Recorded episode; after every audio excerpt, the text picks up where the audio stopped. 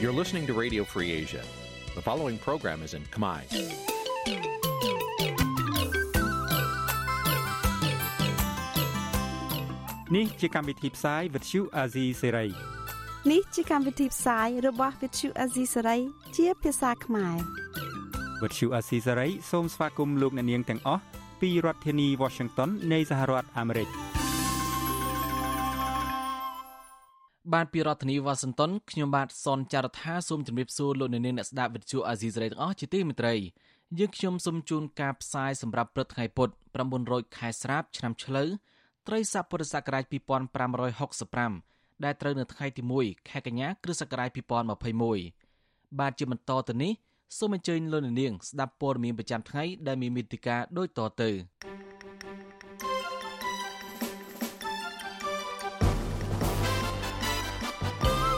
លោកហ៊ុនសែនបញ្ជាបើកសាលាឡើងវិញនៅតំបន់គ្មានការឆ្លង COVID-19 តើជនបរទេសខុសច្បាប់អាចរស់នៅស្រួលក្នុងប្រទេសកម្ពុជា បានដោយសារកត្តាអ្វីខ្លះតុលាការក្រុងភ្នំពេញក្រុងប្រកាសសារក្រមលើសកម្មជនសង្គមនិងបពប្រឆាំងនៅចុងខែកញ្ញាប្រជាប្រដ្ឋមានដំណោះដីធ្លីនៅខេត្តបន្ទាយមានជ័យជា100នាក់តវ៉ានៅមុខសាលាខេត្តទាមទាររកដំណោះស្រាយរួមនឹងព័ត៌មានផ្សេងៗមួយចំនួនទៀត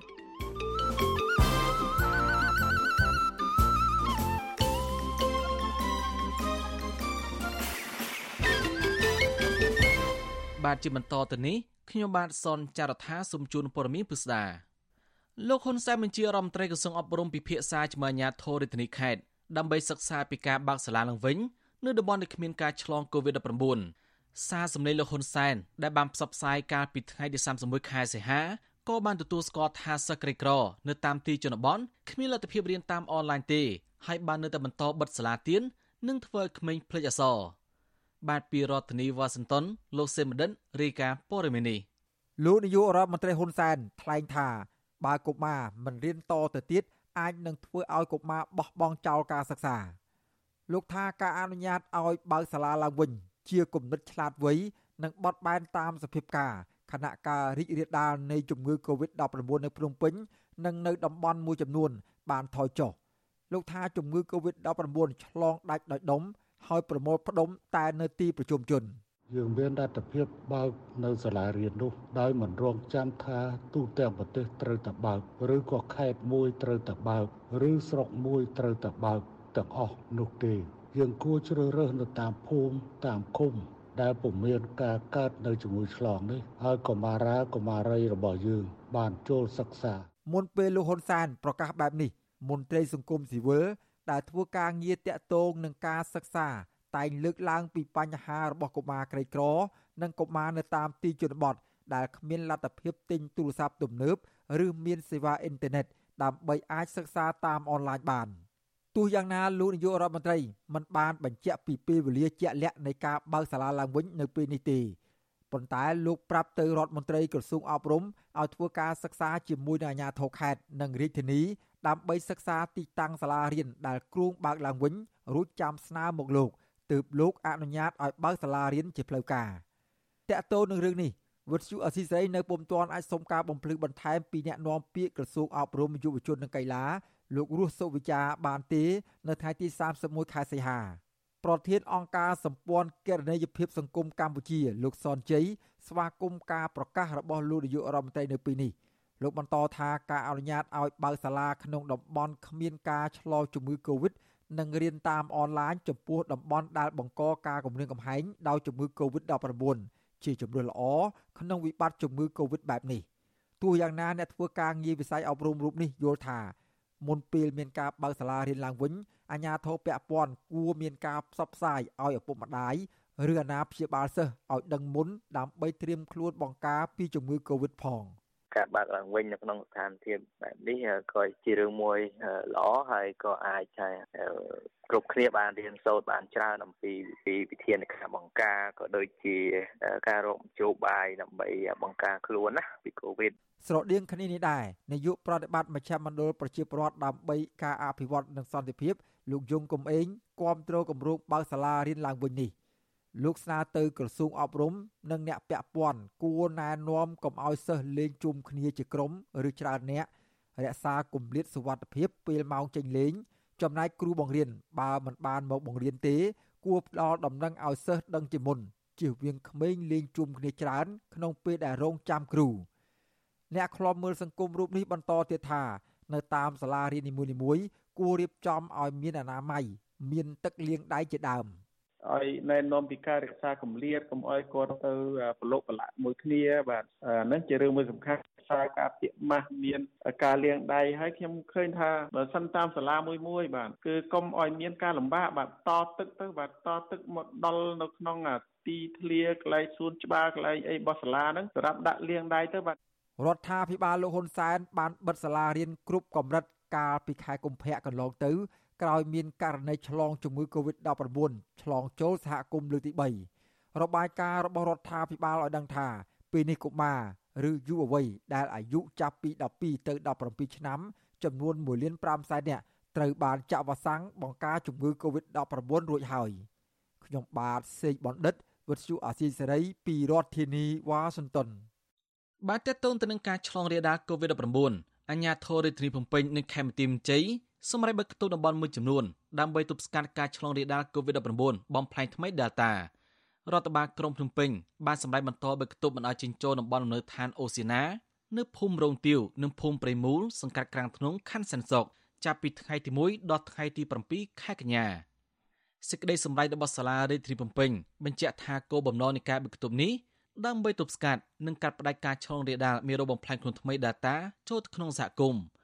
នៅក្នុងអំឡុងពេលបិទគប់នេះអាជ្ញាធរហាមខរការចិញ្ចូលការជប់ជុំការប្រមូលផ្ដុំលើកលែងតែករណីចាំបាច់ ទាក់ទងនឹងបញ្ហាសុខភាពនិងការគ្រប់គ្រងស្បៀងអាហារអាជ្ញាធរក៏បានបិទគប់កំណត់ផ្លូវលេខ35នៅភូមិប្រៃតឡុងសង្កាត់ចាក់អង្រែក្រោមខេមរជ័យរហូតដល់ថ្ងៃទី2ខែកញ្ញាដែរបន្ទាប់ពីរកឃើញថាមានករណីឆ្លងរាលដាលមេរោគបំផ្លាញខ្លួនថ្មី Delta ចំណែកឯនៅខេមរទីមន្ជ័យអភិបាលខេត្តនេះលោកអ៊ុំរិត្រីបានសម្រេចបិទគប់ភូមិមន្ទីរថ្មីឃុំអូបេជន់នៅក្នុងស្រុកអូជ្រៅដែលជាទីតាំងជាប់ពាក់ព័ន្ធការឆ្លងរាលដាល COVID-19 ចូលទៅក្នុងសហគមន៍ ការបិទគប់បណ្ដោះអាសន្ននេះនឹងបន្តរហូតដល់ថ្ងៃទី11ខែកញ្ញាសេចក្តីសម្រេចពីតំបន់ដែលត្រូវបិទគប់ទៅនេះបញ្ជាក់ថាអ្នកដែលមិនបានអនុវត្តតាមសេចក្តីសម្រេចនេះនឹងត្រូវផាកពិន័យជាប្រាក់ឬអាចជាប់ពន្ធនាគារទៅតាមច្បាប់ស្តីពីការទប់ស្កាត់ការឆ្លងរាលដាល COVID-19 និងជំងឺកាចសាហាវនិងប្រកបដោយគ្រោះថ្នាក់ផ្សេងៗ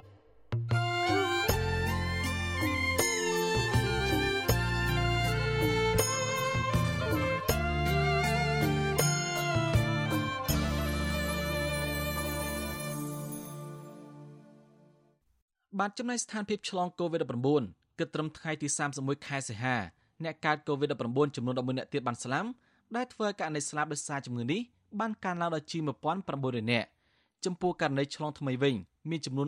439នាក់នៅក្នុងនោះ100នាក់ជាករណីនាំចូលពីក្រៅប្រទេសជាមួយគ្នានេះក្រសួងសុខាភិបាលបានរកឃើញមេរោគ COVID-19 បំផ្លែងថ្មី Delta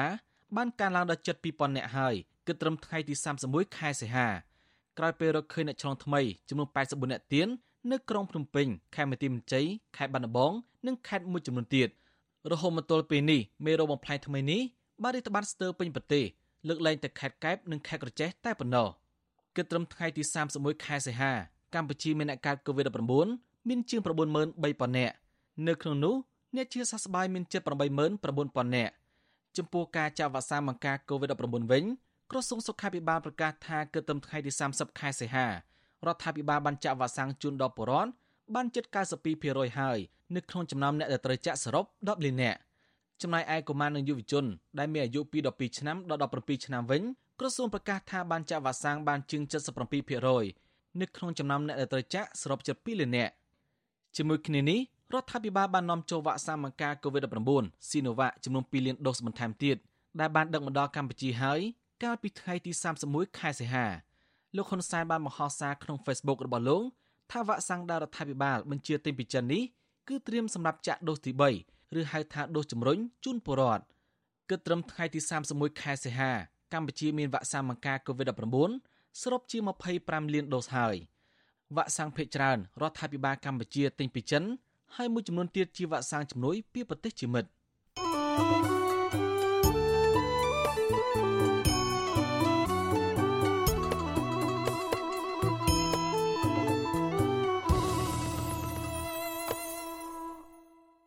បានលោកនាងជាទីមត្រីការគ្រប់គ្រងជនអន្តោប្រវេសន៍ជាបញ្ហាស្មុគស្មាញមួយដែលប្រទេសនានាលើសកលលោកកំពុងជួបប្រទះចំណែកឯកម្ពុជាវិញបច្ចុប្បន្នមានជនអន្តោប្រវេសន៍រាប់ម៉ឺននាក់កំពុងរស់នៅតើជនអន្តោប្រវេសន៍ខុសច្បាប់អាចរស់នៅស្រួលក្នុងប្រទេសកម្ពុជា បានដោយសារកត្តាអ្វីខ្លះបាទលោកនាងនឹងបានស្ដាប់បទវិភាគនេះនៅពេលបន្តិចទៀតនេះបាទសូមអរគុណបាទចំណែករីក្តីសកម្មជនសង្គមនៅបពប្រឆាំងវិញ តុលាការក្រុងភ្នំពេញនឹងប្រកាសសារក្រមលើសំណុំរឿងរបស់សកម្មជនសង្គមនិងគណៈបកសង្គ្រោះជាតិ15នាក់នៅថ្ងៃទី28ខែកញ្ញាឆ្នាំនេះក្រោយបញ្ចប់សវនាការកាលពីថ្ងៃទី31ខែសីហាមន្ត្រីអង្គការសង្គមស៊ីវិលចាត់ទុកការចាប់ឬឃុំខ្លួនអ្នកអនុវត្តសិទ្ធិសេរីភាពបញ្ចេញមតិនិងការជួបប្រមូលផ្ដុំដោយសន្តិវិធីកន្លងមកថាជាការរំលោភបំពានលើសិទ្ធិសេរីភាពជាមូលដ្ឋានដោយស្នើឲ្យតុលាការទម្លាក់ចោលការចោទប្រកាន់ហើយដោះលែងសកម្មជនទាំងនេះឲ្យមានសេរីភាពឡើងវិញ បានពីរដ្ឋធានីវ៉ាស៊ីនតោនលោកមេរិតរាយការណ៍ព័ត៌មាននេះ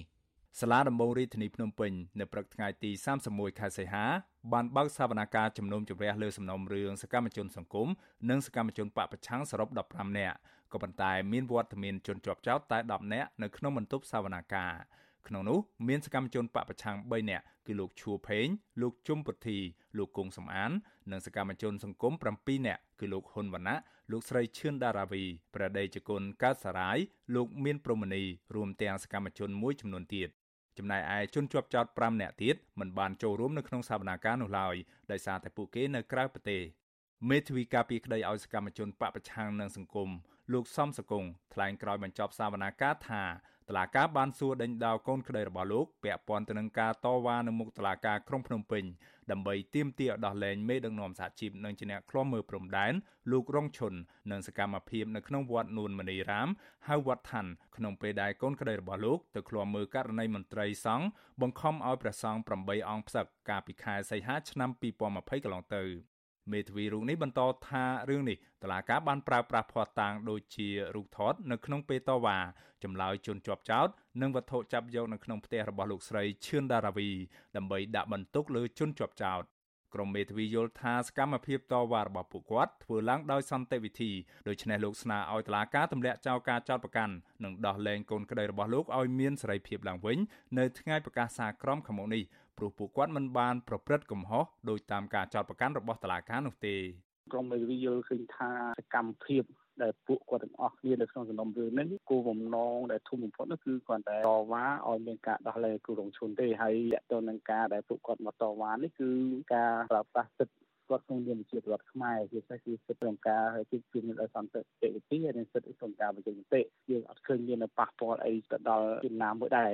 មន្ត្រីនិងសកម្មជនបពប្រឆាំងសកម្មជនសង្គមទាំង15នាក់បានរងបទចោទផ្ដាំគំនិតនិងញុះញង់បង្កឲ្យមានភាពវឹកវរធ្ងន់ធ្ងរដល់សង្គមពាក់ព័ន្ធទៅនឹងការតវ៉ានៅមុខតុលាការនិងគម្រោងតវ៉ាដោយសន្តិវិធីនៅទីលានប្រជាធិបតេយ្យថ្មីកាលពីខែសីហាឆ្នាំ2020ដើម្បីទាមទារឲ្យដោះលែងមេដឹកនាំសហជីពនិងជាអ្នកឃ្លាំមើលព្រំដែនលោករងឈុន សំណុំរឿងនេះមានជនត្រូវចោទដែលជាមន្ត្រីនិងសកម្មជនបពប្រឆាំង5នាក់កំពុងស្ថិតនៅក្រៅប្រទេសរួមមានលោកហូវ៉ាន់លោកគង់សភាលោកអ៊ូច័ន្ទរិទ្ធលោកសេងមេងប៊ុនរងនិងម្នាក់ទៀតជាអ្នកនយោបាយខ្មែរនៅអូស្ត្រាលីគឺលោកហុងលីមពួកគេរងការចោទប្រកាន់ថាផ្ដាំគំនិតញុះញង់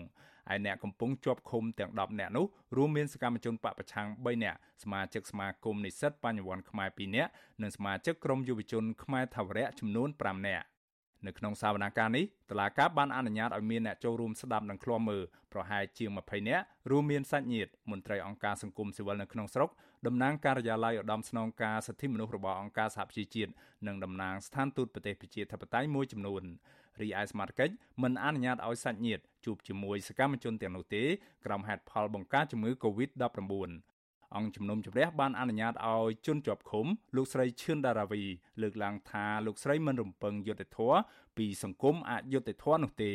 លោកស្រីបានស្នើឲ្យតុលាការផ្ដោតលើអំពើពុករលួយក្នុងសង្គមជាពិសេសលើបញ្ហាគ្រឿងញៀននៅក្នុងសង្គមហើយតុលាការត្រូវពង្រឹងការអនុវត្តច្បាប់ដោយឯករាជ្យលោកស្រីលើកឡើងបន្ថែមថាអ្នកជាប់ឃុំមានលុយដេកគុកស្រួលចំណែកអ្នកទោសមនសិការវិញរងនៅទុក្ខលំបាកវេទនាយ៉ាងខ្លាំង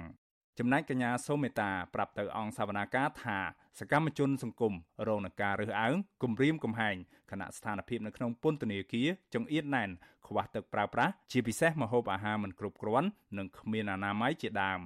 សវនាការនេះធ្វើឡើងតែមួយព្រឹកហើយចៅក្រមជំនុំជម្រះសាលាដំបូងរាជធានីភ្នំពេញលោកទឹកសុធីបូរឆាតថាសំណុំរឿងនេះតុលាការនឹងប្រកាសសារក្រមនៅថ្ងៃទី28ខែកញ្ញាខាងមុខនេះ ប្អូនស្រីកញ្ញាសូមេតា គឺកញ្ញាអេងវ៉ាន់ឌីប្រាវិសុវអាស៊ីសេរីថាបងស្រីកញ្ញាគ្មានកំហុសនោះទេព្រោះសកម្មភាពបងស្រីកន្លងមកគឺធ្វើដើម្បីតែសង្គមតែប៉ុណ្ណោះកញ្ញាឲ្យដឹងទៀតថាបងស្រីរបស់កញ្ញាកំពុងទទួលរងនឹងការរើសអើងនិងសុខភាពធ្លាក់ចុះទ្រុឌទ្រោមខ្លាំងនៅក្នុងពន្ធនាគារកញ្ញាស្នើសុំឲ្យតុលាការទម្លាក់ចោលការចោទប្រកាន់និងដោះលែងសកម្មជនទាំងនោះឲ្យមានសេរីភាពឡើងវិញដើម្បីឲ្យពួកគេអាចជួបជុំគ្រួសារឡើងវិញបាន ពួកគាត់គ្មានធ្វើអីខុសច្បាប់នោះទេគឺគាត់ធ្វើនេះគឺឆន្ទៈរបស់ខ្លួនឯងហើយនឹងជាអ្វីដែលគាត់ស្រឡាញ់នេះអរគុណគាត់វិញទៅដែលគាត់បានធ្វើលះបង់ដើម្បីជាតឡាការនៅតែដាក់ឃុំខ្លួនគាត់ចឹងវាអយុត្តិធម៌សម្រាប់កូនចៅខ្មែរស្តីងគ្នានេះដែរប្រពន្ធលោកឈូផេងគឺលោកស្រីដុសកំទៀងថ្លែងក្រោយចូលស្ដាប់សវនកម្មថាតឡាការពុំមានភ័ស្តុតាងបង្ហាញថាប្តីលោកស្រីជាប់ពាក់ព័ន្ធជំវិញរឿងនេះទេ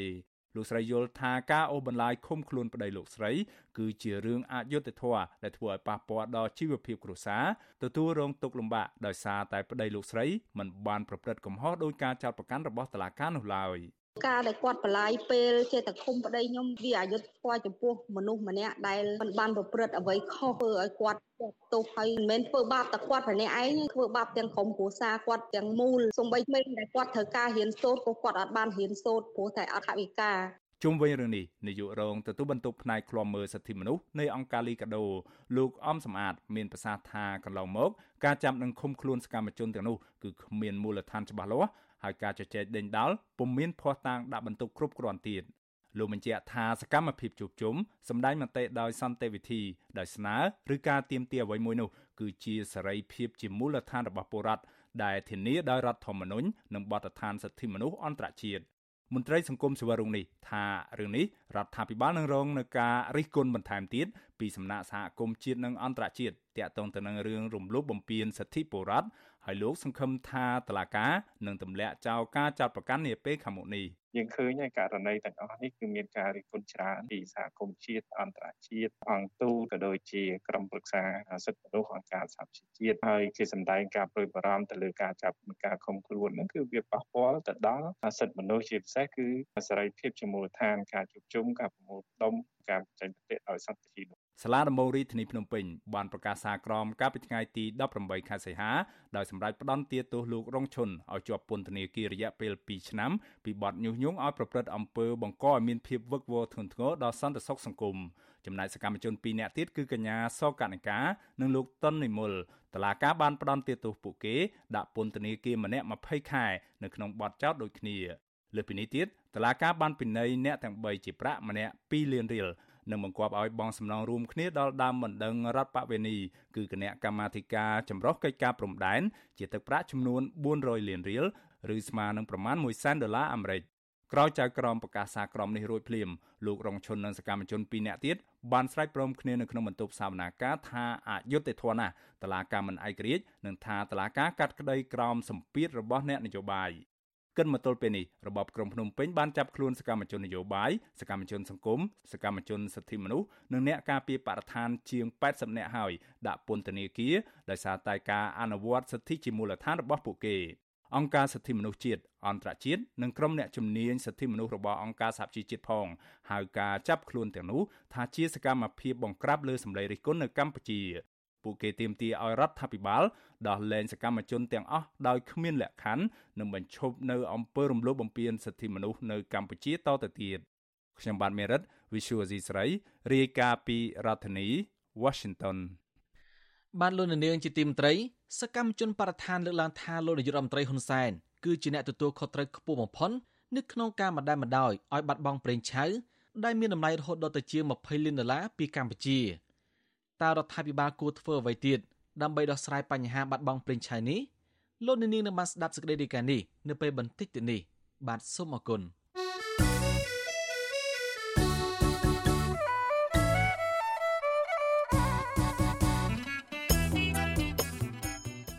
បានលោកនាងជាទីមត្រីវិទ្យុអាស៊ីសេរីផ្សាយតាមរលកធាតុអាកាសខ្លីឬ shortwave តាមកម្រិតនិងកម្ពស់ដូចតទៅនេះពេលព្រឹកចាប់ពីម៉ោង5កន្លះដល់ម៉ោង6កន្លះ ផ្សាយតាមរយៈរលកធាតុអាកាសខ្លី9940 kHz ឬស្មើនឹងកម្ពស់ 30m ពេលយប់ចាប់ពីម៉ោង7កន្លះដល់ម៉ោង8កន្លះតាមរយៈរលកធាតុអាកាសខ្លី9960 kHz ឬស្មើនឹងកម្ពស់ 30m និង11240 kHz ឬស្មើនឹងកម្ពស់ 25m បាទសូមអរគុណ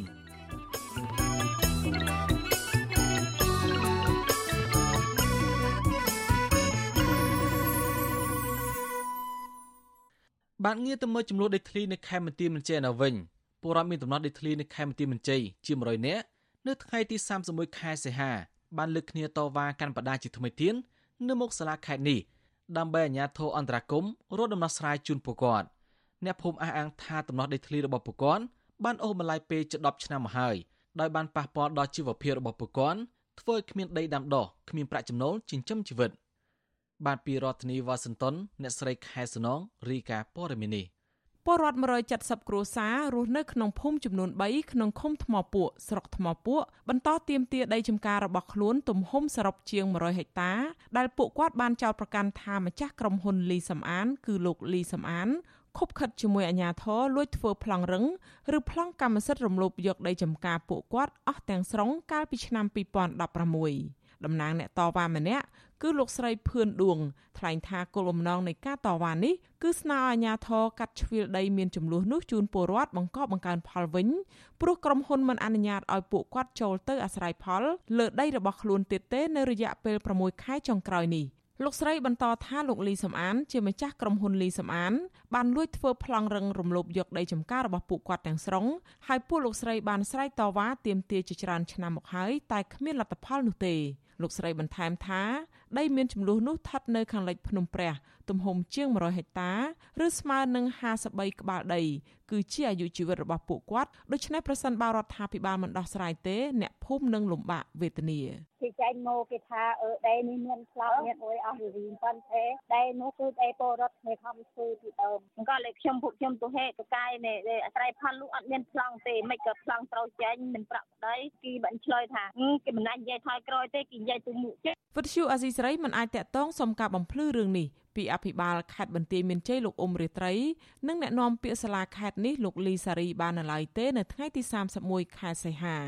ចំណែកលោកលីសំអាន ជាម្ចាស់ក្រុមហ៊ុនលីសំអាន ដែលរងការចោទប្រកាន់នេះក៏មិនអាចតាក់ទងបានដែរនៅថ្ងៃដដែលនេះប៉ុន្តែអ្នកភូមិថាក្នុងពេលតវ៉ាពេញមួយព្រឹកអាជ្ញាធរបានអនុញ្ញាតឲ្យតំណាងពលរដ្ឋ5នាក់ ចូលបំភ្លឺជាង1ម៉ោងក្នុងសាលាខេត្តបន្ទាយមានជ័យដោយមន្ត្រីសាលាខេត្តបានប្រាប់ពួកគាត់ថា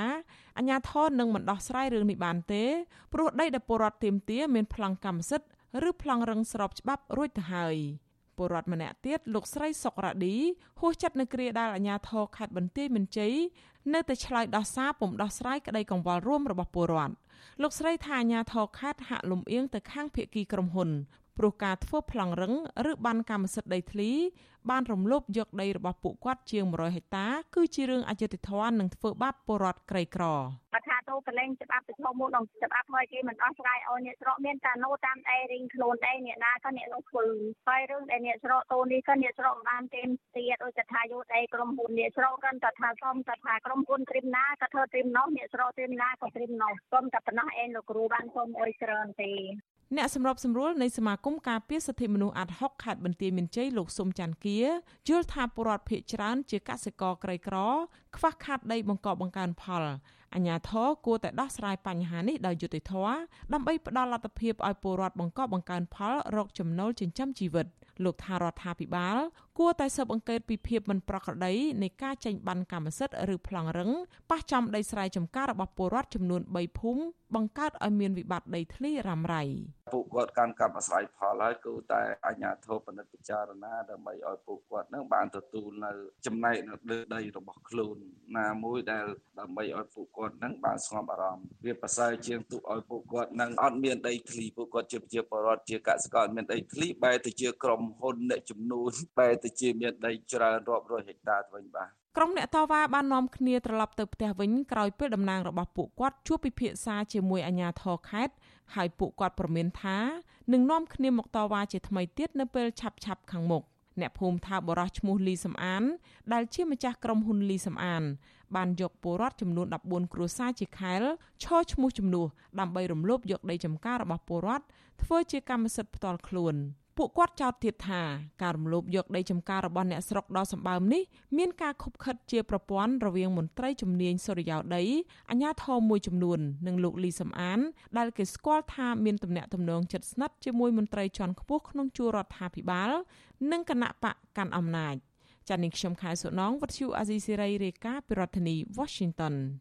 បានលុននាងជាទីមត្រីតំណាងពលករអះអាងថាក្រសួងការងារថៃបានសន្យាយកព្រមផ្ដល់ភាពស្របច្បាប់និងចាក់វ៉ាក់សាំងបង្ការ COVID-19 ឲ្យពលករទាំងអស់ការលើកឡើងនេះក្រោយពេលដែលក្រុមពលករខ្មែរជាង50នាក់បាននាំគ្នាដាក់ញត្តិទៅក្រសួងការងារកាលពីថ្ងៃទី30ខែសីហាអ្នកខ្លមើសិទ្ធិពលកររំពឹងថាក្រោយចាក់វ៉ាក់សាំងរួចពលករនឹងឆាប់ទទួលបានការងារធ្វើវិញបានពីរដ្ឋធានីវ៉ាស៊ីនតោនលោកមួនណារ៉េនរាយការណ៍ព័ត៌មាននេះ ស្ថានភាពពលករធ្វើការនៅប្រទេសថៃនៅតែមិនទាន់មានភាពប្រសើរដោយសារតែពួកគាត់ភ័យច្រើនមិនទទួលបានអត្ថប្រយោជន៍ពីក្រសួងការងារថៃនិងមិនទាន់បានចាក់វ៉ាក់សាំងបង្ការជំងឺ Covid-19 នៅឡើយទេប្រធានមូលនិធិពលករខ្មែរប្រចាំនៅប្រទេសថៃលោកសុនសីហាឲ្យដឹងនៅថ្ងៃទី31ខែសីហា ថាតំណាងពលករខ្មែរប្រហែល50នាក់បានជួបជុំគ្នាកាលពីថ្ងៃទី30ខែសីហានិងបានយកញត្តិដាក់ជូនក្រសួងការងារថៃដើម្បីសូមឲ្យមានការគិតគូរដល់ពលករដែលកំពុងតែជួបទុក្ខលំបាកនៅក្នុងការដ្ឋានសំណង់និងនៅតាមបន្ទប់ជួល លោកបន្តថាក្រមពលករបានថ្លែងសារពីទុកកង្វល់ជាច្រើន នៅមុខក្រសួងការងារថៃពិសេសគឺការទាមទារឲ្យអាជ្ញាធរថៃកុំរើសអើងពលករនិងត្រូវផ្ដល់សេវាសុខាភិបាលឲ្យបានស្មើភាពគ្នាដោយមិនត្រូវទុកពលករខ្មែរដែលឆ្លងជំងឺ Covid-19 ចោលនោះទេប៉ូលីសថៃមិនបានរារាំងមិនបានបង្កភាពរញ៉េរញ៉ៃរុញច្រានរំខានឬក៏ធ្វើទុកបុកម្នេញដល់ការដាក់ញត្តិរបស់ពលករនោះឡើយ ក្រោយពីបានថ្លែងសារចប់រួចរាល់ក្រុមពលករបានដាក់ញត្តិទៅក្រសួងការងារថៃហើយអាជ្ញាធរថៃក៏បានហៅតំណាងពលករចូលជួបនិងសន្យាអន្តរាគមន៍ជួយពលករឲ្យអស់ពីលទ្ធភាព។ ស្នើឲ្យពិនិត្យមើលទៅលើការដ្ឋានសំណង់មួយចំនួនដែលពួកគាត់ស្នាក់នៅគឺថាវាមិនសមក្នុងការរស់នៅណាហើយណាម័យហ្នឹងវាអត់ល្អការមួយទឹកអាងនៅកដាលវារួមគ្នា100 200នាក់ចឹងទៅហើយការប្រើប្រាស់គុណហ្នឹងគឺបង្គន់បាំងសង្កសីដែលគ្មានអនាម័យហើយបង្គន់3 4 5អញ្ចឹងប្រើ2 300នាក់អញ្ចឹងគឺវាអាចប៉ះពាល់នឹងការឆ្លងរីករាលដាលនៅបញ្ហាជំងឺ Covid-19 ទៅដល់ពលករយើងលោកសុនសីហាបន្ថែមទៀតថាបន្ទាប់ពីទទួលបានការសន្យានេះហើយពលករមានភាពកក់ក្ដៅជាងមុននិងខិតខំបន្តទ្រាំរស់នៅរងចាំធ្វើការបន្តទៀតនៅក្នុងប្រទេសថៃបើទោះបីជាយ៉ាងនេះក្តីតំណាងពលកររូបនេះឲ្យដឹងថាពួកគាត់គ្មានបំណងដាក់ញត្តិទៅស្ថានទូតខ្មែរប្រចាំនៅប្រទេសថៃទេដោយសារតែមិនមានភាពជឿជាក់ថាមន្ត្រីនៃស្ថានទូតខ្មែរអាចជួយពលករបាន។ កាលពីចុងខែមិថុនាក្រុមមូលនិធិពលករខ្មែរធ្លាប់បានដាក់ញត្តិទៅរដ្ឋសភាថៃនិងគណៈរដ្ឋមន្ត្រីថៃម្ដងរួចមកហើយដើម្បីស្នើសុំឲ្យមានដំណោះស្រាយជុំវិញបញ្ហាប្រឈមនៃវិបត្តិនៃជំងឺ Covid-19 នេះកាលនោះក្រុមពលករបានស្នើសុំឲ្យរដ្ឋាភិបាលថៃយកចិត្តទុកដាក់ជួយផ្គត់ផ្គង់ម្ហូបអាហារនិងសេវាព្យាបាលជំងឺនេះដល់ពលករឲ្យបានសមរម្យ ជុំវិញបញ្ហានេះវិទ្យុអាស៊ីសេរីមិនអាចសុំការបញ្ជាក់ពីឯកអគ្គរដ្ឋទូតកម្ពុជាប្រចាំនៅប្រទេសថៃលោកអ៊ូសុភ័ណ្ឌនិងអ្នកនាំពាក្យក្រសួងការបរទេសនិងសហប្រតិបត្តិការអន្តរជាតិលោកកុយគួងបានទេ នៅថ្ងៃទី31ខែសីហា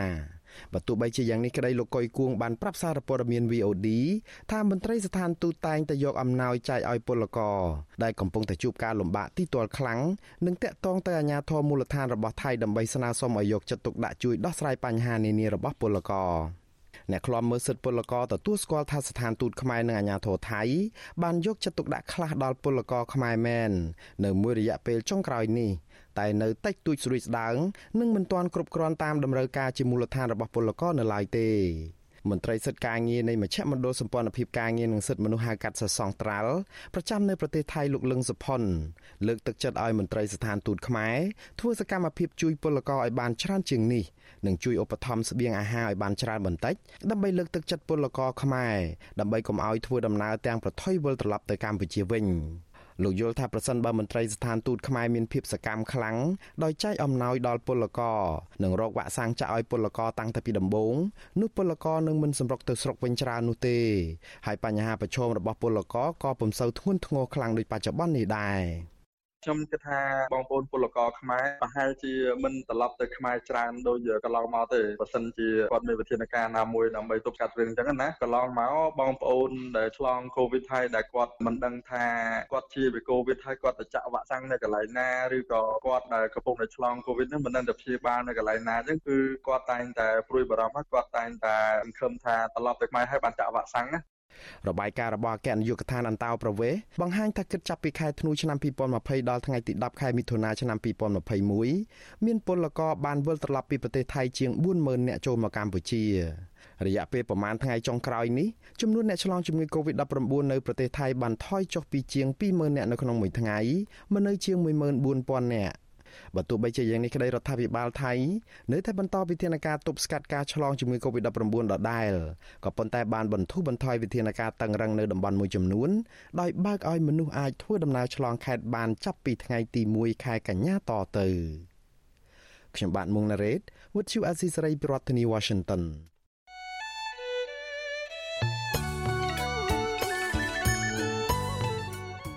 បានលោកនាងជាទីមត្រីវិទ្យុអាស៊ីសេរីផ្សាយតាមរលកធាតុអាកាសខ្លីឬ shortwave តាមកម្រិតនិងកម្ពស់ដូចតទៅនេះពេលព្រឹកចាប់ពីម៉ោង5កន្លះដល់ម៉ោង6កន្លះផ្សាយតាមរយៈរលកធាតុអាកាសខ្លី9940 kHz ឬស្មើនឹងកម្ពស់ 30m ពេលយប់ចាប់ពីម៉ោង7កន្លះដល់ម៉ោង8កន្លះតាមរយៈរលកធាតុអាកាសខ្លី9960 kHz ឬស្មើនឹងកម្ពស់ 30m និង11240 kHz ឬស្មើនឹងកម្ពស់ 25m បាទសូមអរគុណ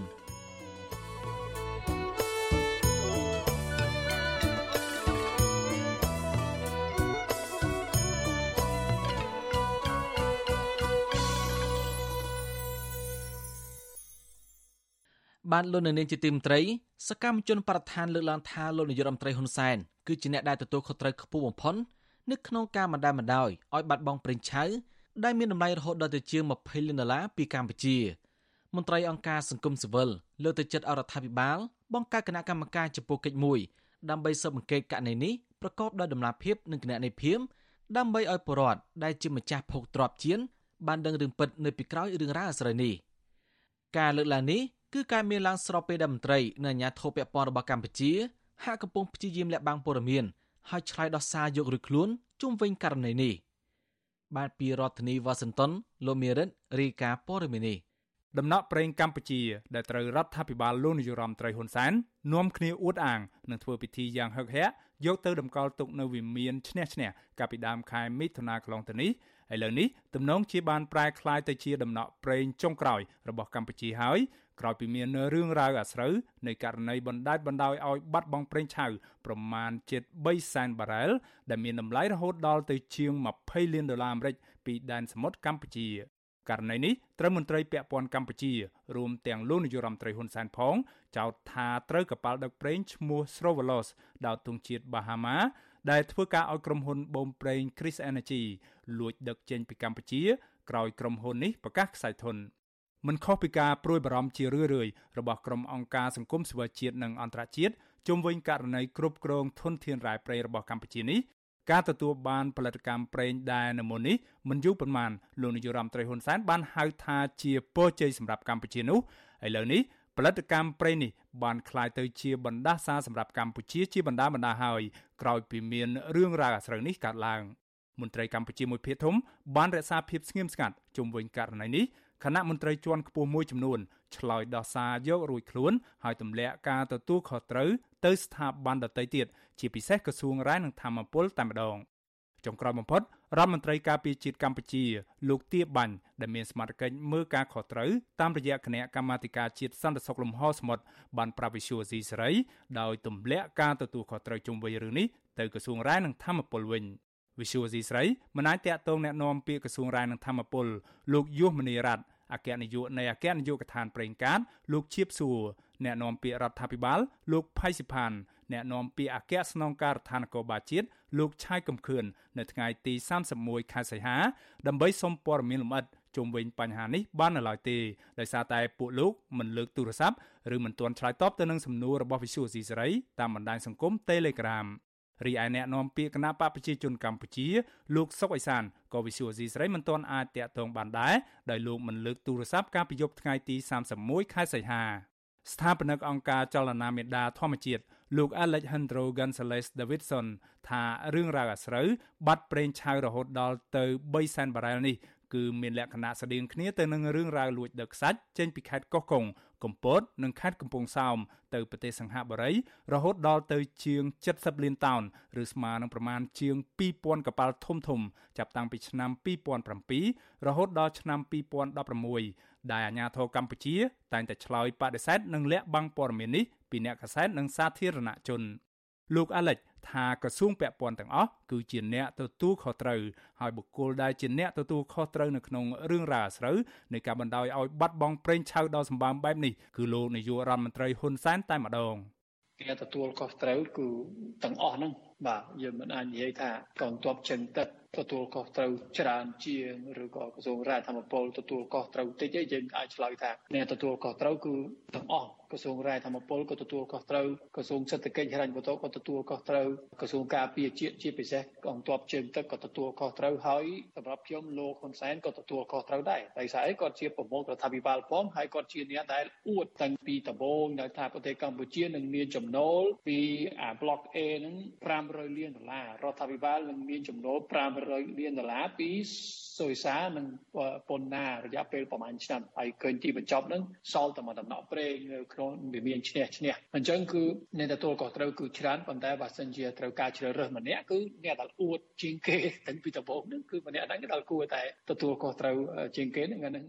លោកអាឡិចបន្តថាអាញាធរកម្ពុជា ជាពិសេសកងទ័ពជើងទឹកមិនមែនអាចសមត្ថភាពនៅក្នុងរឿងនេះទេ ព្រោះអាញាធរកម្ពុជា មានកប៉ាល់លបឿនលឿនរហូតដល់ទៅជាង15គ្រឿងមានកងទ័ពជើងទឹកនិងកងម៉ារីនសរុបប្រមាណ5000នាក់ហើយម្យ៉ាងវិញទៀតកម្ពុជាក៏បានដឹងរឿងរ៉ាវទាំងអស់នេះមុនទៅហើយដែលត្រូវតែប្រុងប្រយ័ត្នក្រោយក្រុមហ៊ុន Chris Energy បានប្រកាសខ្សែធនកុំភ្លេចថាមុនកប៉ាល់ Strovolos នឹងដឹកប្រេងឆៅចេញពីប្រទេសកម្ពុជាក្រុមហ៊ុន Chris Energy នឹងបានប្រកាសថាខ្សែធនទៅជាប្រមាណអាទិត្យមុនហ្នឹងអញ្ចឹងមានន័យថា មែនអាញាធរអត់ដឹងណាអាញាធរគេដឹងថាកប៉ាល់ Stravelos ឬក៏ក្រុមហ៊ុន Chris Energy គេអាចហ្នឹងលួចចេញពីប្រទេសកម្ពុជាថ្ងៃណាមួយអញ្ចឹងខ្ញុំសួរថាហេតុអីបានគេមិនមិនតាមដានដល់រឿងហ្នឹងស្រដៀងគ្នានេះដែរប្រធានកម្មវិធីសុចរិតភាពធុរកិច្ចនៃអង្គការដំឡាភិបកម្ពុជា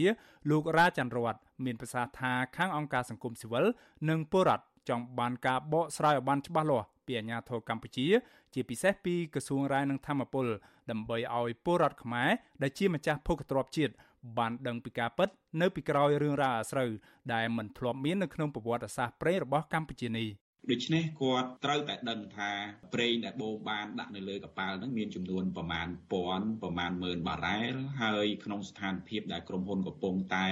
ឈានទៅដំណាក់កាលនៃខ្សែធនហ្នឹងថាតើយើងគួរចាត់ចែងទ្រព្យរបស់ប្រជាពលរដ្ឋឬមួយក៏ជាតិខ្មែរយ៉ាងម៉េចពីព្រោះធនធានប្រេងគឺជាធនធានរបស់ប្រជាពលរដ្ឋខ្មែរយើងទាំងអស់គ្នាដូច្នេះចម្ងល់របស់យើងទាំងអស់គ្នាក្នុងនាមជាប្រជាពលរដ្ឋហេតុអីបានជាកប៉ាល់ហ្នឹងត្រូវបានលួចឆ្លងដែនចេញពីកម្ពុជាទៅដល់ថៃហើយថៃមិនមិនចាប់មិនមិនធ្វើការឃាត់រហូតទៅដល់បន្តដំណើរទៅដល់ប្រទេសឥណ្ឌូនេស៊ីទើបកងទ័ពជើងទឹកឥណ្ឌូនេស៊ីមានការឃាត់អីចឹងជាដើមមន្ត្រីអង្គការសង្គមសិវរូបនេះលើកទឹកចិត្តឲ្យរដ្ឋាភិបាល បង្កើតក្រុមការងារអន្តរក្រសួងចំពោះកិច្ចមួយដើម្បីបើកការស៊ើបអង្កេតជុំវិញរឿងរ៉ាវអាស្រូវបាត់ប្រេងឆៅទាំងនេះប្រកបដោយតម្លាភាពកណន័យភាពនិងឯករាជ្យ យើងលើកទឹកចិត្តឲ្យរដ្ឋាភិបាលអាចរៀបចំជាក្រុមការងារអន្តរក្រសួងមួយដើម្បីស៊ើបអង្កេតអំពីករណីហ្នឹងឲ្យបានច្បាស់លាស់ពីព្រោះយើងមិនមែនទៅតែនឹងធ្វើបង្កើតគណៈកម្មការចំពោះកិច្ចហ្នឹងក្នុងករណី Chris Energy ទេវាមានករណីផ្សេងផ្សេងជាច្រើន ឡងមករដ្ឋាភិបាលតែងតែរៀបចំជាគណៈកម្មការប៉ុន្តែសមាជិកនៃគណៈកម្មការហ្នឹងគួរតែផ្ដល់នៅទំនុកចិត្តទៅដល់ប្រជាពលរដ្ឋខ្មែរយើងផងដែរថាតើគណៈកម្មការហ្នឹងអាចធានាបាននៅប្រសិទ្ធភាពណានៅក្នុងការស៊ើបអង្កេតទៅលើករណីថាតើបុគ្គលឬក៏មន្ត្រីណាខ្លះដែលពាក់ព័ន្ធទៅនឹងការធ្វេសប្រហែសពីព្រោះយើងអត់ទាន់អាចដាក់បន្ទុកថាកំហុសរបស់ក្រសួងនេះឬក៏របស់បុគ្គលនោះបានទេលុះត្រាតែមានការស៊ើបអង្កេតស្វែងរកការពិតមួយឲ្យបានជាក់លាក់ណាត្រឹមត្រូវទៅតាមបទបញ្ញត្តិច្បាប់ដែលយើងមានជាធរមានបាទរឿងរ៉ាវអាស្រូវបាត់បង់ប្រេងឆៅដល់ទៅជិត3សែនបារ៉ែលនេះបានផ្ទុះឡើងក្រោយពេលអាជ្ញាធរឥណ្ឌូនេស៊ីបានប្រកាសពីការចាប់បានកប៉ាល់នេះនៅដែនសមុទ្ររបស់ខ្លួនកាលពីចុងខែសីហា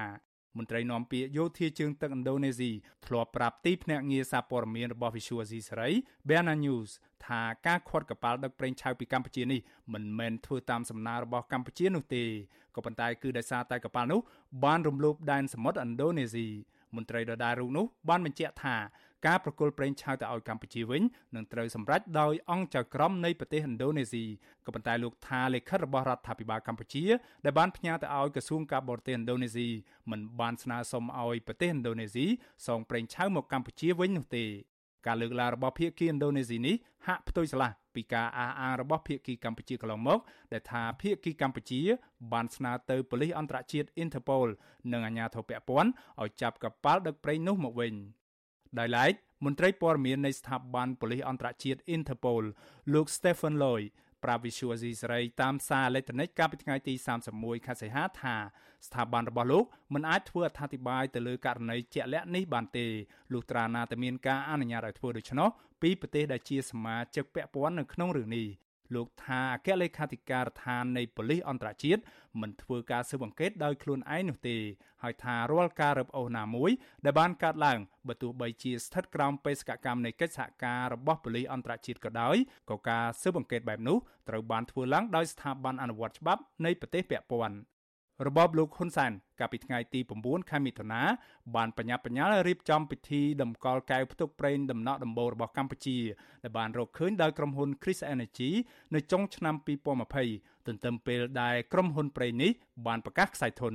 សកម្មជនបរិស្ថានលោក Alex យល់ថានេះគឺជាសញ្ញាណអវិជ្ជមានសម្រាប់វិស័យប្រេងកាតនៅកម្ពុជា ដែលបង្ហាញពីភាពអាម៉ាស់និងបរាជ័យរបស់រដ្ឋាភិបាលលោកហ៊ុនសែនដែលតែងតែយកបញ្ហាប្រេងនេះធ្វើជាយុទ្ធនាការអួតអាងពីជោគជ័យនៃការគ្រប់គ្រងប្រទេសក្រោមមលុបសន្តិភាពរបស់បកពួកខ្លួន លោកយល់ថាដំណក់ប្រេងដែលរបបលោកហ៊ុនសែនយកទៅតម្កល់ទុកនៅវិមានដែលលោកហ៊ុនសែនប្រសិទ្ធនាមថាឈ្នះឈ្នះនោះអាចទំនងជាคล้ายជាដំណក់ប្រេងចុងក្រោយរបស់កម្ពុជាខ្ញុំបាទមេរិត Visual C ស្រីរាយការណ៍ពីរដ្ឋធានី Washington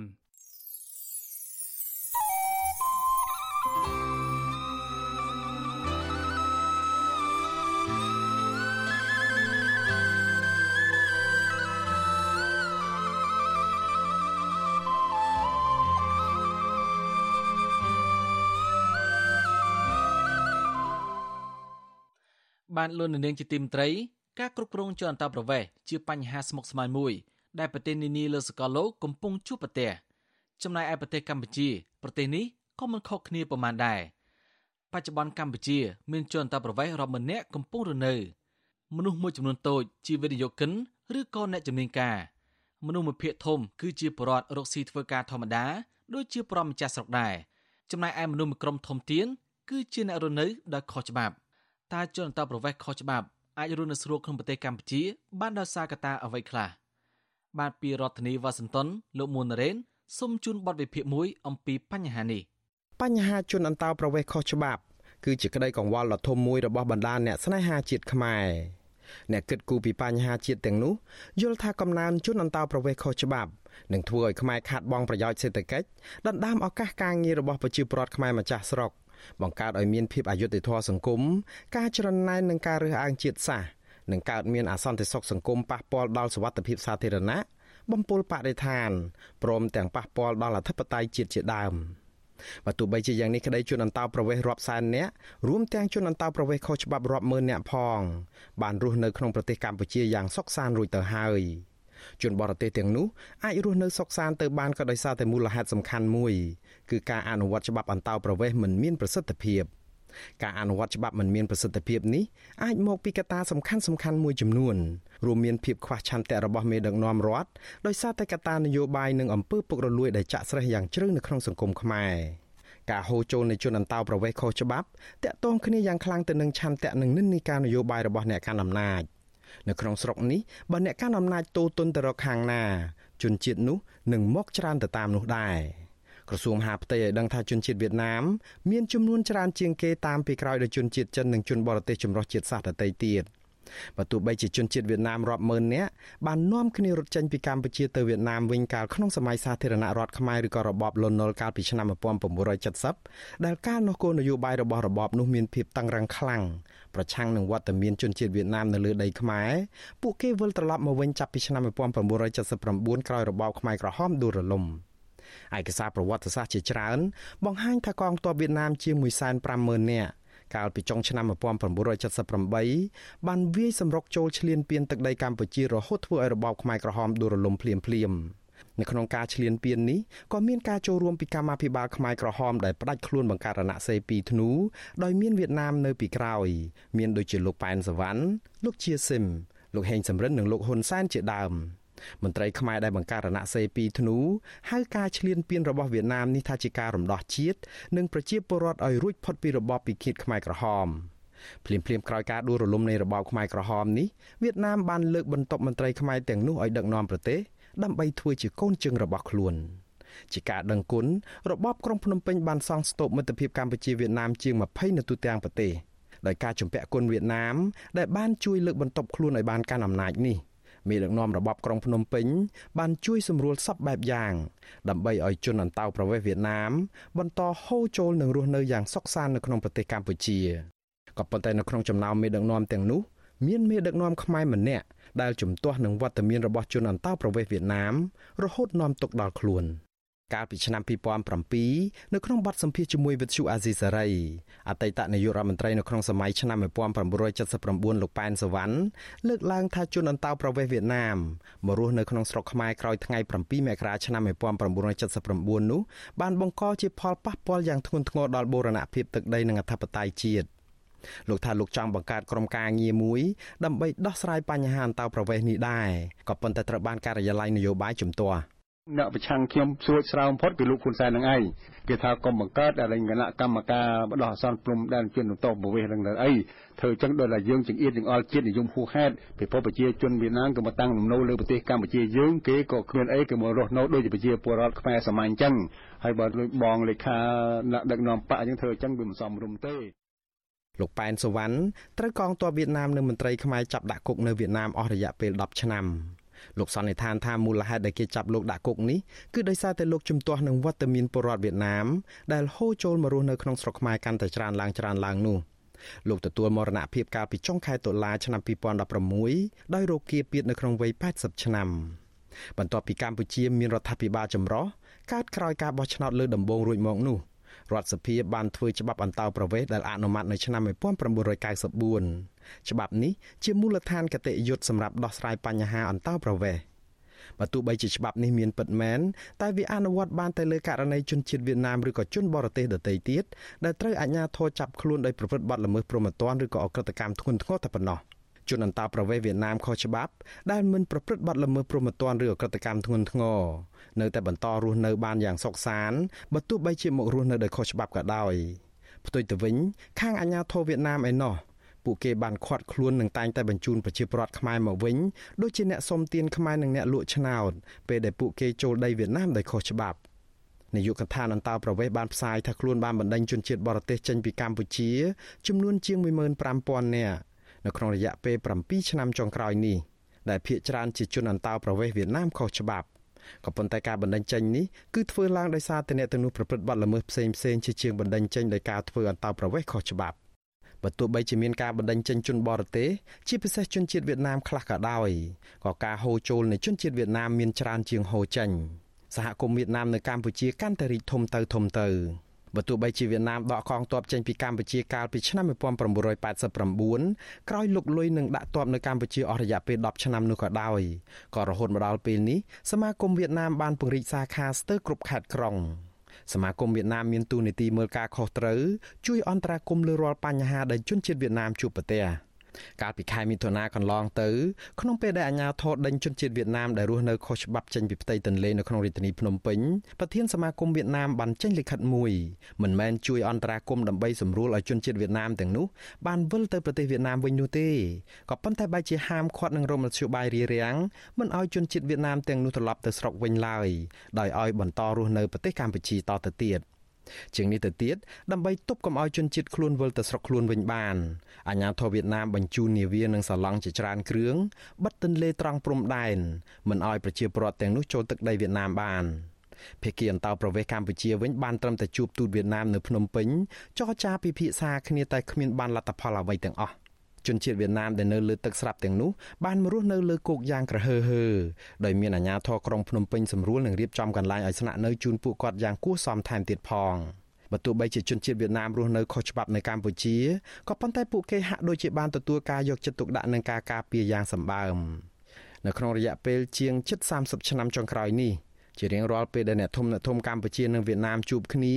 ក្នុងជំនួបផ្លូវការម្ដងម្ដងមិនថាថ្នាក់ប្រមុខរដ្ឋប្រមុខរដ្ឋាភិបាលប្រមុខបកឬក៏ប្រមុខរដ្ឋសភាឬក៏យោធានោះទេគឺមេដឹកនាំវៀតណាមមិនញញើតមាត់ចំពោះការស្នើឲ្យកម្ពុជាផ្ដល់ភាពស្របច្បាប់ជូនពលរដ្ឋរបស់ខ្លួនដើម្បីបន្តរស់នៅលើទឹកដីខ្មែរនោះឡើយ។ បើទោះបីជាគ្មានមេដឹកនាំកម្ពុជាណាម្នាក់ឆ្លើយតបថាព្រមឬឆ្លើយថាទេចំពោះសំណើរបស់វៀតណាមក៏ដោយក៏គិតមកត្រឹមដំណាច់ខែមិថុនាឆ្នាំ2019កម្ពុជាបានផ្ដល់បានស្នាក់នៅអចិន្ត្រៃយ៍ជូនជនជាតិវៀតណាមចំនួន790,000នាក់រួចទៅហើយនេះបើតាមរបាយការណ៍ផ្លូវការពីក្រសួងមហាផ្ទៃដែលចេញផ្សាយកាលពីឆ្នាំ2020លើសពីនេះកម្ពុជាថែមទាំងបានរៀបចំដី40ហិកតាសម្រាប់ទទួលជនជាតិវៀតណាមនៅក្នុងទន្លេខេត្តកំពង់ឆ្នាំងឲ្យពួកគេឡើងមករស់នៅលើគោកនោះទៅទៀត។ ប្រការនេះធ្វើឲ្យប្រជាពលរដ្ឋខ្មែរម្ចាស់ស្រុកដែលមានចំនួនដីធ្លីនិងអ្នកខ្លះខ្វះដីសង់ផ្ទះសម្បែងដោយសារតែអាជ្ញាធរបណ្ដឹងចេញពីលំនៅឋានប្រៀបធៀបអំពីការប្រព្រឹត្តរបស់អាជ្ញាធរមកលើប្រជាពលរដ្ឋម្ចាស់ស្រុកនិងការប្រព្រឹត្តចំពោះជនអន្តោប្រវេសន៍វៀតណាមគិតមកដល់ពេលនេះដែររបបក្រុងភ្នំពេញបានផ្ដល់ដីសម្បត្តិជាង1លានហិកតាឲ្យក្រុមហ៊ុនឯកជននៅក្នុងនោះក្រុមហ៊ុនឯកជននិងរដ្ឋវៀតណាមជាច្រើនបានទទួលដីសម្បត្តិទាំងនេះ ពួកគេថែមទាំងទទួលជនជាតិវៀតណាមរាប់ពាន់នាក់មកធ្វើការនៅលើដីសម្បត្តិរបស់ខ្មែរទាំងនោះថែមទៀតផងជាងនេះទៅទៀតការជជែកអំពីបញ្ហាជនអន្តោប្រវេសន៍វៀតណាមខុសច្បាប់នេះជាពិសេសពេលដែលមន្ត្រីបកប្រឆាំងឬក៏សកម្មជនទូទៅលើកបញ្ហានេះវាបានคล้ายទៅជារឿងរសើបនឹងរងការរិះគន់និងជំទាស់ពីខាងមន្ត្រីគណៈបកកណ្ដាលអំណាចនិងរដ្ឋាភិបាលដោយចាត់ទុករឿងនេះថាជាការរើសអើងពូជសាសន៍ ការបំបិតមាត់អ្នកលើកបញ្ហាជនអន្តោប្រវេសន៍វៀតណាមខុសច្បាប់នេះដោយយកលេសថាជាការរើសអើងពូជសាសន៍នេះធ្វើឲ្យបញ្ហានេះខ្វះឆន្ទៈនយោបាយនៅក្នុងការយកចិត្តទុកដាក់ឲ្យបានត្រឹមត្រូវរឿងនេះคล้ายជាប្រធានបទប៉ះមិនបាន ជារឿយរឿយនៅពេលបោះឆ្នោតជាតិម្ដងម្ដងបញ្ហានៃភាពមិនប្រក្រតីពីមណ្ឌលបោះឆ្នោតមួយចំនួនកើតមានឡើងដោយសារតែប្រជាពលរដ្ឋរាយការណ៍អំពីវត្តមានរបស់ជនជាតិវៀតណាមដែលមានអត្តសញ្ញាណប័ណ្ណខ្មែរចូលរួមបោះឆ្នោតសម្រាប់ជួបវាសនារបស់ខ្មែរ មន្ត្រីបពប្រឆាំងក៏មិនគាំទ្រឲ្យជនអន្តោប្រវេសន៍វៀតណាមមានសិទ្ធិបោះឆ្នោតដើម្បីសម្រេចរឿងជោគវាសនារបស់ប្រទេសជាតិនោះដែរក៏ប៉ុន្តែគណៈកម្មាធិការជាតិបោះឆ្នោតមិនបានស៊ើបអង្កេតករណីនោះឡើយគណៈកម្មាធិការជាតិបោះឆ្នោតតែងតែរងការរិះគន់ថាលំអៀងទៅរកគណៈបកកណ្ដាលអំណាចនិងរបបដឹកនាំសពថ្ងៃដោយសារតែសមាជិកភាពជាច្រើននៅក្នុងគណៈកម្មាធិការជាតិនេះជាមនុស្សស្និទ្ធនឹងគណៈបកប្រជាជនកម្ពុជារបស់លោកហ៊ុនសែន ចំពោះជនអន្តោប្រវេសន៍ចិនវិញជនជាតិនេះក៏មករស់នៅកម្ពុជាតាមរយៈនិន្នាការនយោបាយរបស់លោកហ៊ុនសែននិងរស់នៅយ៉ាងសុខសាន្តដោយមានការយកចិត្តទុកដាក់និងការពារយ៉ាងពេញទំហឹងពីរបបក្រុងភ្នំពេញដែរជនជាតិចិនទទួលបានកិច្ចការពីពិសេសពីរបបក្រុងភ្នំពេញក៏ដោយសារតែជំហរនយោបាយរបស់លោកហ៊ុនសែនដែលងាកខ្លាំងទៅរកប្រទេសចិនកុម្មុយនីសនេះដើម្បីជាខ្នងបង្អែកទប់ទល់នឹងប្រទេសប្រជាធិបតេយ្យសេរីដែលមិនពេញចិត្តនឹងការរំលោភសិទ្ធិមនុស្សនិងបំផ្លាញប្រជាធិបតេយ្យធ្ងន់ធ្ងរនៅកម្ពុជា។ ប្រទេសចិនគ្មានប្រវត្តិចេះខ្វល់ខ្វាយអំពីការរំលោភសិទ្ធិមនុស្សនិងបំផ្លាញប្រជាធិបតេយ្យអ្វីនោះទេចំណុចនេះត្រូវចាត់នឹងគោលជំហររបស់របបក្រុងភ្នំពេញដែលមានអ្នកមិនព្រមស្ដារសិទ្ធិមនុស្សនិងប្រជាធិបតេយ្យឡើងវិញព្រោះអាងបានរដ្ឋាភិបាលចិននៅចាំជួយកាងការពារដោយសារតែនិន្នាការនេះធ្វើឲ្យជនអន្តោប្រវេសន៍ចិនហូរចូលស្រុកខ្មែរដូចទឹកបាក់ទំនប់អ្នកទាំងនោះរួមមានអ្នករកស៊ីបើករោងចក្រសហគ្រាសធំធំ អ្នកជំនួញទូទៅ អ្នកបច្ចេកទេស ទេសចរជនស៊ីវិលទូទៅ និងអ្នកមកលេងលបែងស៊ីសងនឹងពួកក្រុមម៉ាហ្វ្យាជាដើមរបាយការណ៍ក្រសួងមហាផ្ទៃបង្ហាញថានៅក្នុងឆ្នាំ2019មានជនជាតិចិនរស់នៅក្នុងប្រទេសកម្ពុជារយៈពេលវែងចំនួនជាង250,000នាក់ជនជាតិចិនមួយចំនួនបានបង្កើតជាបកក្រុមចាប់ជំរិតតាមអនឡាញនិងបណ្ដាញលាងលុយកខ្វក់ថែមទៀតផង ក្រសួងរដ្ឋាភិបាលអាមេរិកបានរកឃើញមេបកសង្គមងងឹតវ៉ានគូកុយដែលបានបង្កើតសមាគមឬក៏បកហុងមិននៅក្នុងប្រទេសកម្ពុជាដូចគ្នាទៅនឹងបកសង្គមងងឹតនៅម៉ាកាវឬក៏ហុងកុងដែរនៅក្នុងថ្ងៃបើកបកនោះក៏មានវត្តមានមន្ត្រីធំធំនៅក្នុងជួររាជការរួមទាំងអបនាយករដ្ឋមន្ត្រីអ្នកស្រីម៉ែនសំអននិងមានអាវុធហត្ថលើផ្ទៃប្រទេសលោកសៅសខាជាភ្ញៀវកិត្តិយសថែមទៀតផង បុគ្គលវ៉ានគុកគួយនេះត្រូវបានសហរដ្ឋអាមេរិករកឃើញថាមានសកម្មភាពជិតស្និទ្ធជាមួយនឹងអក្រិតជនដទៃទៀតនៅក្នុងផ្នែកលបែងស៊ីសងខុសច្បាប់តាមអ៊ីនធឺណិតនៅឯខេត្តបរសៃអនុដែលនាំឲ្យកើតឡើងច្រើននៅបាត់ល្មើសអំពើហិង្សាអំពើពុករលួយនិងការបន្លំឆោបបោកលុយរាប់ពាន់លានដុល្លារ នៅឯខេត្តប្រស័យអនុជនជាតិចិនបានក្តោបក្តាប់សេដ្ឋកិច្ចក្រុងទាំងមូលនាំឲ្យមានអតិផរណាកង្វះការងារធ្វើសម្រាប់ប្រជាពលរដ្ឋម្ចាស់ស្រុក និងខ្ទេចខ្ទាំហេដ្ឋារចនាសម្ព័ន្ធរូបវ័ន្តនិងបំផ្លាញបរិស្ថានជាដើមក៏ប៉ុន្តែខេត្តនេះបដូរមុខមាត់ទៅជាទីសម្បូរអគារខ្ពស់ខ្ពស់របស់ក្រុមហ៊ុនចិនបនលបែងរយកន្លែង និងអគារសាងសង់មិនទាន់រួចរាប់រយអគារសំណុំរឿងជនបរទេសរស់នៅក្នុងប្រទេសកម្ពុជាដោយខុសច្បាប់នេះពាក់ព័ន្ធគ្នានឹងអំពើពុករលួយ គិតមកត្រឹមឆ្នាំ2019ក្រសួងមហាផ្ទៃរកឃើញឯកសារคล้ายคล้ายឬក៏មិនប្រក្រតីចំនួនជាង20000ច្បាប់ដែលចេញឲ្យជនជាតិវៀតណាមជាង60000នាក់ឲ្យកាន់កាប់និងប្រើប្រាស់ឯកសារទាំងនោះជាប្រភេទឯកសារបញ្ជាក់អត្តសញ្ញាណរបស់ប្រជាពលរដ្ឋដូចជាសិភៅគ្រួសារនិងសិភៅស្នាក់នៅជាដើមឯកសារទាំងនេះក៏មានសារៈសំខាន់សម្រាប់ដាក់ពាក្យសុំធ្វើអត្តសញ្ញាណប័ណ្ណនិងលិខិតឆ្លងដែនដែរប៉ុន្តែ ជនជាតិវៀតណាមទាំងនោះមិនអាចទទួលបានឯកសារស្របច្បាប់ណាមួយបាននោះឡើយបើពួកគាត់មិនយកប្រាក់ទៅទិញពីមន្ត្រីការការទាំងនោះ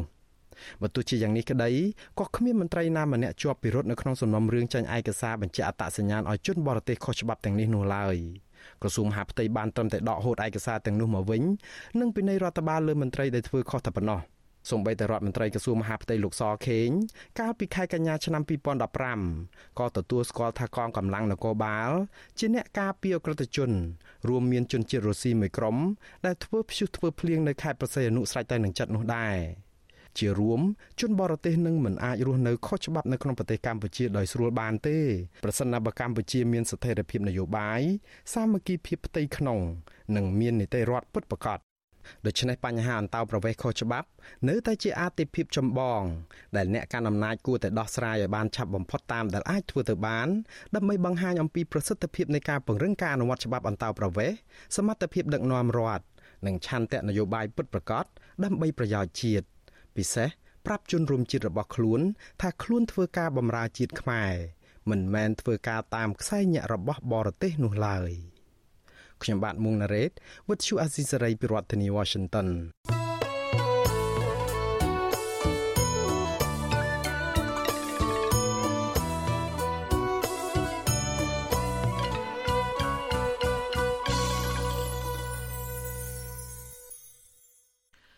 បានលោកនាងកញ្ញាអ្នកស្ដាប់វិទ្យុអាស៊ីសេរីជាទីមេត្រីការផ្សាយរយៈពេល1ម៉ោងនៃវិទ្យុអាស៊ីសេរីជាភាសាខ្មែរនៅពេលនេះចប់តែប៉ុណ្ណេះ យើងខ្ញុំសូមជូនពរដល់លោកអ្នកនាងព្រមទាំងក្រុមគ្រួសារទាំងអស់ឲ្យជួបប្រកបតែនឹងសេចក្តីសុខចម្រើនរុងរឿងកុំបីឃ្លៀងឃ្លាតឡើយខ្ញុំបាទសនចាររថាព្រមទាំងក្រុមការងារទាំងអស់នៃវិទ្យុអាស៊ីសេរីសូមអរគុណនិងសូមជម្រាបលា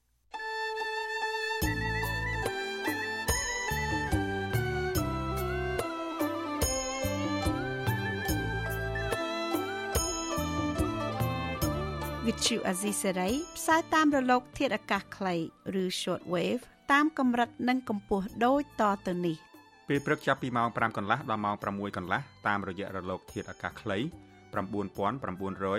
40 kHz ស្មើនឹងកម្ពស់ 30m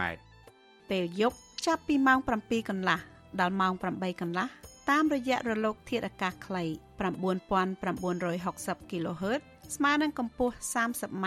និង11240 kHz ស្មើនឹងកម្ពស់ 25m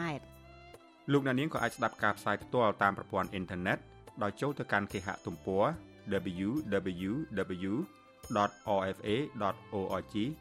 ខ្មែរក្រៅពីនេះលោកអ្នកនាងក៏អាចអាននិងទស្សនាព័ត៌មានវិទ្យុអាស៊ីសេរីលើទូរស័ព្ទដៃរបស់លោកអ្នកផ្ទាល់ សូមលោកអ្នកនាងចូលទៅកាន់បណ្ដាញសង្គម Facebook ដែលមានអាសយដ្ឋាន www.facebook.com/rfa.cambodia និង YouTube www.youtube.com/rfa ខ្មែរ video សូមលោកអ្នកនាងចុច like និងចុច subscribe ដើម្បីទទួលបានព័ត៌មានថ្មីៗទាន់ហេតុការណ៍និងទស្សនាវីដេអូផ្សេងៗទៀតបានគ្រប់ពេលវេលា